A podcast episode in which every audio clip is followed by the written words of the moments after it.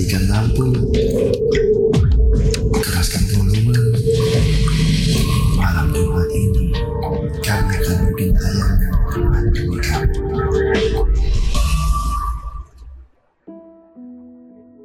Buana Station for Creative Student. Halo rekan Buana, selamat malam dan selamat datang kembali di Mystery Zone. Pastinya bareng gue Gigi dan juga partner gue Nadia. Dan rekan Buana juga pastikan bahwa tidak mendengarkan Misteri Zone ini sendirian karena kita akan membahas hal-hal yang mistis dan pastinya menguak persoalan tentang hantu. Tapi sebelum itu, rekan Buana jangan lupa untuk ikutin terus Twitter dan Instagram kita di @radiomercubuana dan jangan lupa juga untuk mampir ke Spotify Radio Mercubuana serta cek website terbaru kita di radiomercubuana.com. Radio Mercu Buana Station for Creative Student. Halo rekan Buana, masih bareng dengan gue Nadia dan juga Gigi. Dan kali ini Misteri Zone akan membahas hal-hal mistis yang pastinya bikin kita merinding dan penasaran banget apakah ini mitos atau fakta. Dan kali ini kita akan membahas eh, hal-hal yang sebenarnya biasa kita sering dengar seputar hewan yang katanya berhubungan dengan hantu. Nah, itu mungkin mitos apa ya? Mitos dari masyarakat yang yang kita dengar juga kali ya. Dan juga mungkin kita pun pernah mengalaminya atau mungkin pernah tahu nih secara langsung kejadian.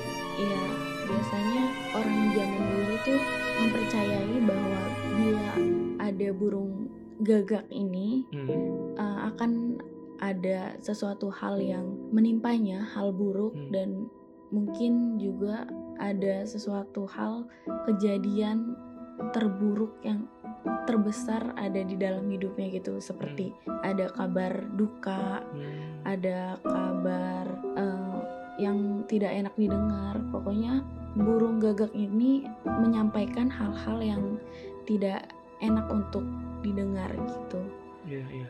Gue gue pernah dengar nih soal mitos ini dan juga em, gue diceritain sama orang tua gue bahwa kalau di kampung kamu itu memang masih kental banget sama mitos-mitos yang beredar seperti ini. Betul. Dan emang itu nggak hanya cuma sekadar mitos, tapi emang terbukti lah secara real nyata adanya gitu. Dan eh, ini kejadiannya ketika eh, ada di mana eh, posisinya itu eh, rumah orang Mm, rumah salah satu rumah dan itu tiba-tiba selalu didatangi burung gagak. Nggak tahu kenapa nggak ada penyebabnya sama sekali. Itu rumah selalu dilewatin dan juga selalu ada bunyi dari bu- burung gagak. Dan ya beberapa hari kemudian ada berita duka dari rumah ini. Memang mitos dari burung gagak ini masih kental. Dan ini ada beberapa mitos yang mengenai burung gagak ini dari masyarakat yang mempercayai mitos-mitos tersebut. Yang pertama, adanya masalah yang cukup besar karena adanya burung gagak yang biasanya terdengar di atas rumah itu bisa dijadikan sebagai tanda akan adanya masalah besar yang akan menghampiri seluruh keluarga yang ada di dalam rumah tersebut hmm, hmm. dan itu juga nggak cuma dipercayai oleh negara Indonesia Hmm. ternyata di Amerika pun burung gagak ini menjadi sebuah firasat yang bencana yang cukup besar yang akan mereka hadapi dan itu dipercayai oleh suku Serok di Amerika. Hmm, mungkin ada juga ya rekan buana eh, selanjutnya itu yang mungkin yang tadi udah gue jelasin ya sebelumnya Mm-mm. Ya, burung gagak ini dipercaya sebagai wujud dari seorang dewi kematian. Menurut kepercayaan orang-orang Celtic di wilayah Eropa, burung gagak hitam sendiri dipercaya sebagai jelmaan dewi cantik bernama Morrigan. Morrigan ini merupakan seorang dewi kematian yang berhubungan dengan hantu serta setan. Yang konon katanya, saat terjadi peperangan ataupun pemakaman, burung gagak yang tiba-tiba muncul dipercayai merupakan perwujudan atau jelmaan Dewi Morrigan, di mana Dewi ini memiliki tugas sebagai perantara dunia manusia dengan dunia roh. Jadi eh, baik lagi ya Nat, tidak hanya dipercayai oleh warga Indonesia atau masyarakat kita, ternyata masyarakat di luar sana pun mempercayai soal mitos dari burung gagak. Betul. Dan mungkin rekan Buana juga masih mau tahu kelanjutannya, mitos-mitos dari burung gagak itu apa aja. Jangan ke mana-mana, tetap di Mystery Zone. Radio Mercu Buana Station for Creative Student. Tadi gue dan juga Nadia udah ngebahas beberapa mengenai burung gagak dan kalau gitu gue sama Nadia bakal melanjutin mengenai mitos dari burung gagak.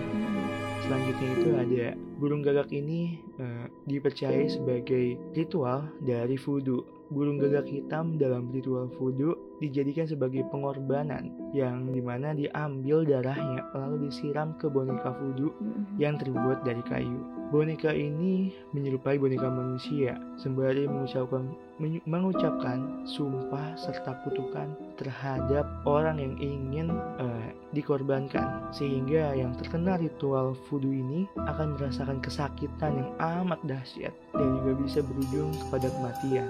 Mungkin kalau di negara Indonesia bisa disebut sebagai santet ya. Betul banget. Jadi menyakiti orang lain dengan media-media tertentu Hmm. seperti boneka voodoo ini. Dan selanjutnya, burung gagak adalah jelmaan dari tukang sihir. Di luar negeri, burung gagak ini dipercaya sebagai peliharaan dari para penyihir. Para penyihir ini memiliki keahlian spesial di mana dapat merubah wujudnya bisa menjadi apa pun dan bisa juga menjadi seekor burung gagak hitam. Dan selain gagak hitam juga sering digunakan oleh para penyihir untuk menyampaikan pesan dari penyihir satu kepada penyihir lainnya. Jadi burung gagak ini sebagai media komunikasi dari para penyihir tersebut. Iya, iya. Mungkin ini pembahasan dari gue dan juga Nadia Hmm, perihal mitos terhadap burung gagak. Buat rekan buana yang punya cerita yang mengenai burung gagak atau mungkin punya pengalaman terhadap eh, kejadian-kejadian mitos dari burung gagak, bisa langsung aja diceritain ke gue dan juga Nadia dengan cara mention di Twitter @radiomercubuana dengan hashtagnya Mystery Zone. Radio Mercu Buana Station for Creative Student.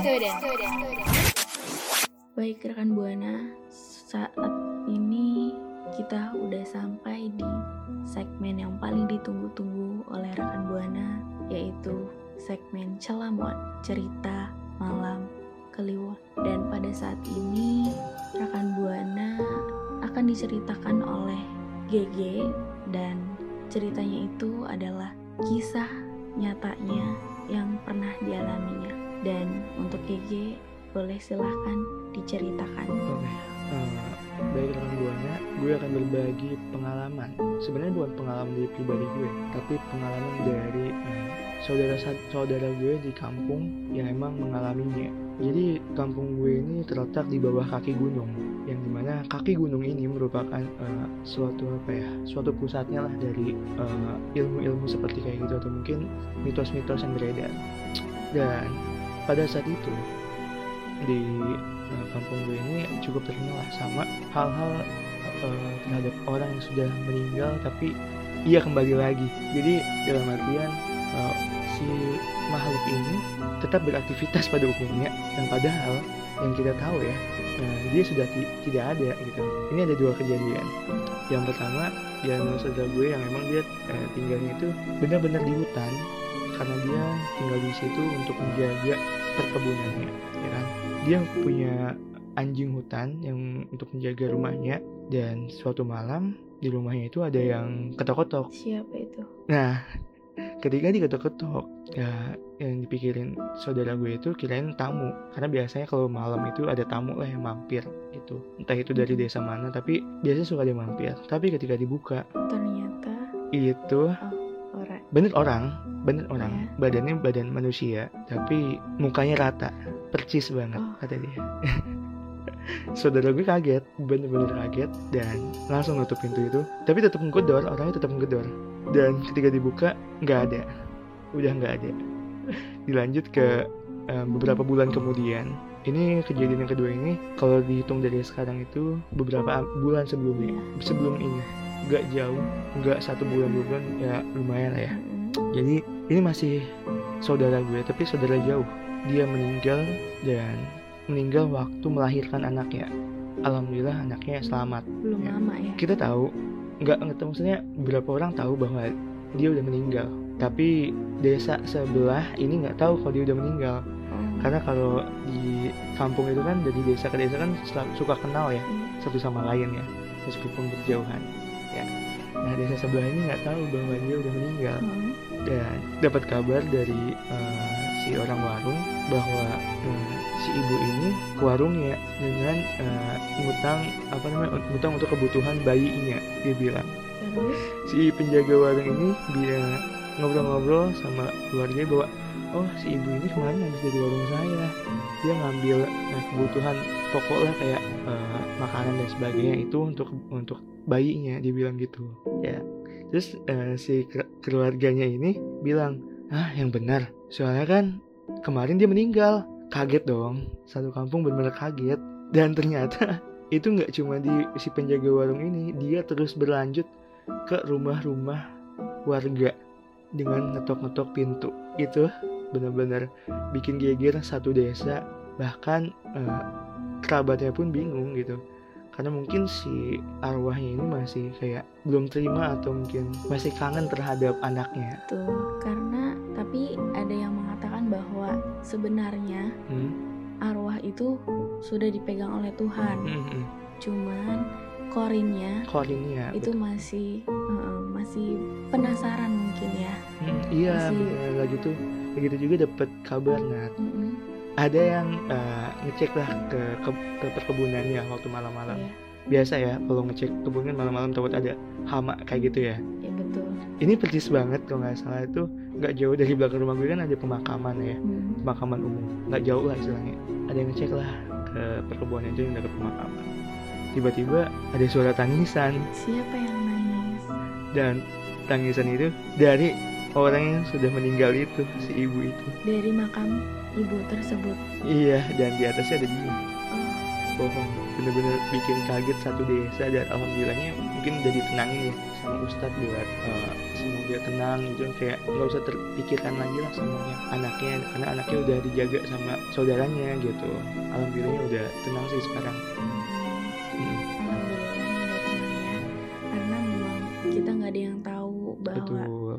orang tersebut meninggal. Apakah masih ada keinginan yang belum tercapaikan? Atau Hmm, hmm. mungkin ada yang masih ingin di em, dilakukan semasa hidupnya atau Iya, mungkin terkadang juga ada yang mengatakan bahwa orang tersebut meninggal dan mereka tuh gak sadar bahwa dirinya sudah meninggal.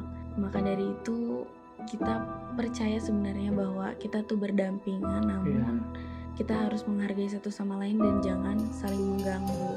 Dan itu dia cerita malam kliwon kita kali ini mungkin rekan buana juga punya kisah-kisah seram lainnya atau kisah mistis yang pernah rekan buana alami boleh langsung mention ke twitter kita atau DM ke instagram kita di @radiomercubuana dengan hashtagnya Misteri Zone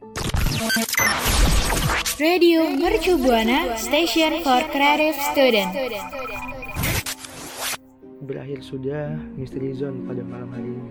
Buat rekan buana yang udah setia dengerin gue sama Nadia dari mulai pembahasan mengenai mitos dari burung gagak sampai ke cerita malam kliwon dan gue juga berterima kasih untuk produser Bang Adam dan juga operator Reynald Reynaldi yang udah ngebantu proses siaran Misteri Zone pada malam hari ini. Dan gue juga mau berterima kasih untuk rekan buana yang pastinya tetap setia buat nunggu Misteri Zone setiap hari Kamis jam 6 sore. dan gue juga mau ngingetin buat rekan buana untuk selalu jaga protokol kesehatan menjaga kesehatan tubuh yang ada. Karena pada saat pandemi seperti ini yang tahu keadaan tubuh kita adalah diri kita sendiri.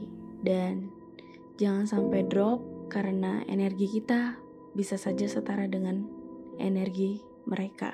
Udah waktunya Misteri Zone pamit undur suara. Tapi sebelum itu rekan buana jangan lupa ikutin terus sosial media kita di Instagram maupun Twitter kita di @radiomercubuana. Dan jangan lupa juga dengerin siaran kita di Spotify Radio Mercubuana serta kunjungi terus website terbaru kita di radiomercubuana.com karena di website tersebut sekarang sudah terdapat streaming yang bisa rekan Buana dengar setiap jam 12 dan jam 2 siang. Waktunya gue Nadia pamit undur suara. Gue GG pamit undur suara. Sampai jumpa di malam Jumat berikutnya.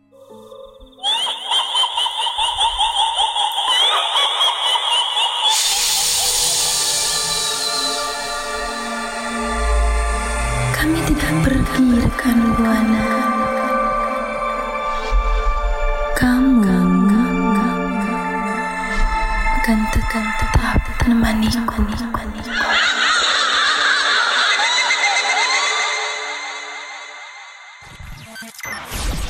Radio Mercu Buana Station for Creative Student.